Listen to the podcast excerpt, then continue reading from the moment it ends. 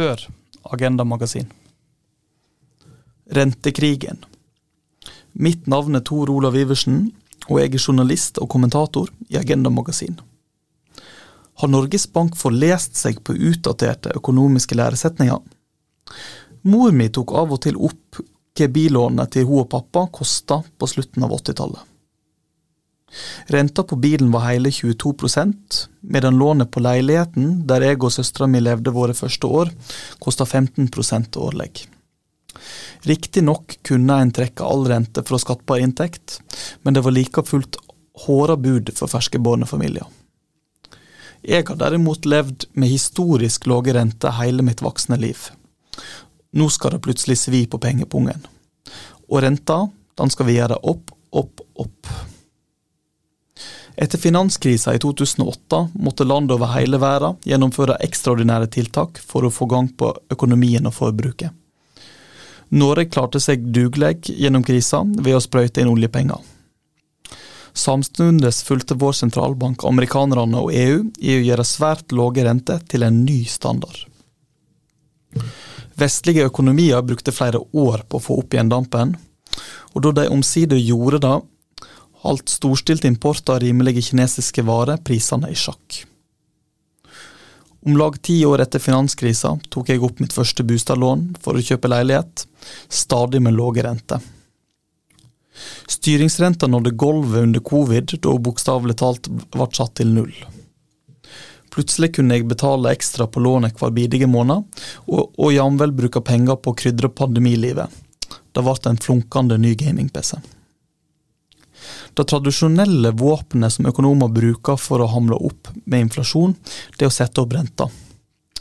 En føresetnad for hele denne utviklinga har derfor vært at inflasjonen har vært under kontroll. Nå er hun ikke det lenger. Et internasjonalt prissjokk på energi har smitta over og gjort at den allmenne prisøkningen har spunnet ut av kontroll. Norges Bank har signalisert at renta innen sommer skal opp til 3,5 Endelig får jeg en smakebit av foreldrene mine sitt billån. I økonomifaget ser en gjerne for seg at det eksisterer en slags byttehandel mellom arbeidsløse og prisøkning. De høyere arbeidsløse, de lavere inflasjon, og vice versa. Dette forestilte stabile forholdet mellom arbeidsløse og inflasjon går gjerne under navnet Philips-kurva, etter økonomen William Phillips. Det har vært et fasttømra prinsipp for nasjonal økonomistyring i mange tiår. Norges Bank følger denne analysen ved å grunngi sine rentehevinger med en såkalt stram arbeidsmarked. Det tyder på at mange allerede er i jobb, få søker etter arbeid, og at en derfor kan få press på både lønn og priser. At flere arbeider kan i denne fortellingen skape, fri, eh, skape prisvekst. Men norsk lønnsdanning har noen vesentlige særtrekk. Lønnsutviklinga har vært forhandla fram av partene i arbeidslivet, med næringslivsorganisasjonene på én side av bordet og fagrørsla på den andre. Den norske frontfagsmodellen legger også, vekt, legger også opp til at lønnsvekster i eksportindustriene skal funke som en norm for resten av arbeidslivet. Det mener LO at gjør styring av den norske økonomien unik. Sjeføkonom Roger Bjørnstad har argumentert for at frontfagsmodellen og trepartssamarbeidet er skreddersydd for å styre prisutvikling. Når de viktigste organisasjonene sammen bestemmer lønnsnivået gjennom forhandlinger, kan de ta høgde for overordna utviklinger i hele økonomien, som nettopp inflasjon. Frontfagsmodellen kan ifølge denne logikken temme løpsk pris prisvekst. Kritikken fra arbeiderrørsla impliserer altså at Norges Bank tvinger flere enn nødsynt til å stå uten arbeid. Kritikken kommer ikke bare fra fagforeningene, men òg fra to av kantene i norsk økonomisk politikk sitt tradisjonelle jerntriangel. Dvs. Si Statistisk sentralbyrå og Økonomisk institutt på Blindern. I Elfenbeinstårnet der strides de lærde.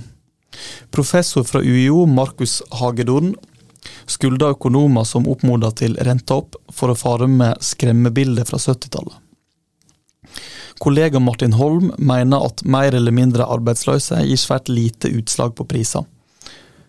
SSB sin Erling Holmøy skildrer i podkasten Noen har snakket sammen norsk økonomi som en kork på åpent hav. Men da mener han at Norge er en liten og åpen økonomi som ikke kan bestemme priser på kraft eller andre varer på verdensmarkedet. Renta er derfor et sløvt sverd i tvekant mot importert inflasjon. Det er ikke nytt at økonomer blir skylda for å ta for lite omsyn til forskjeller i den virkelige verden.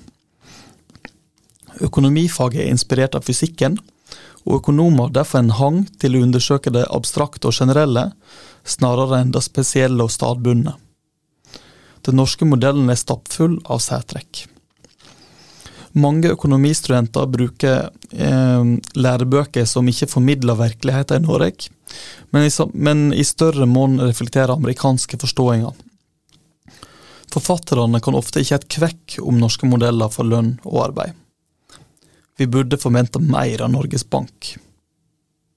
I moderne politikk holdes sentralbanken to armlengder unna partipolitikken. Men rentestyringa har mye å si for livsvilkårene til de fleste nordmenn.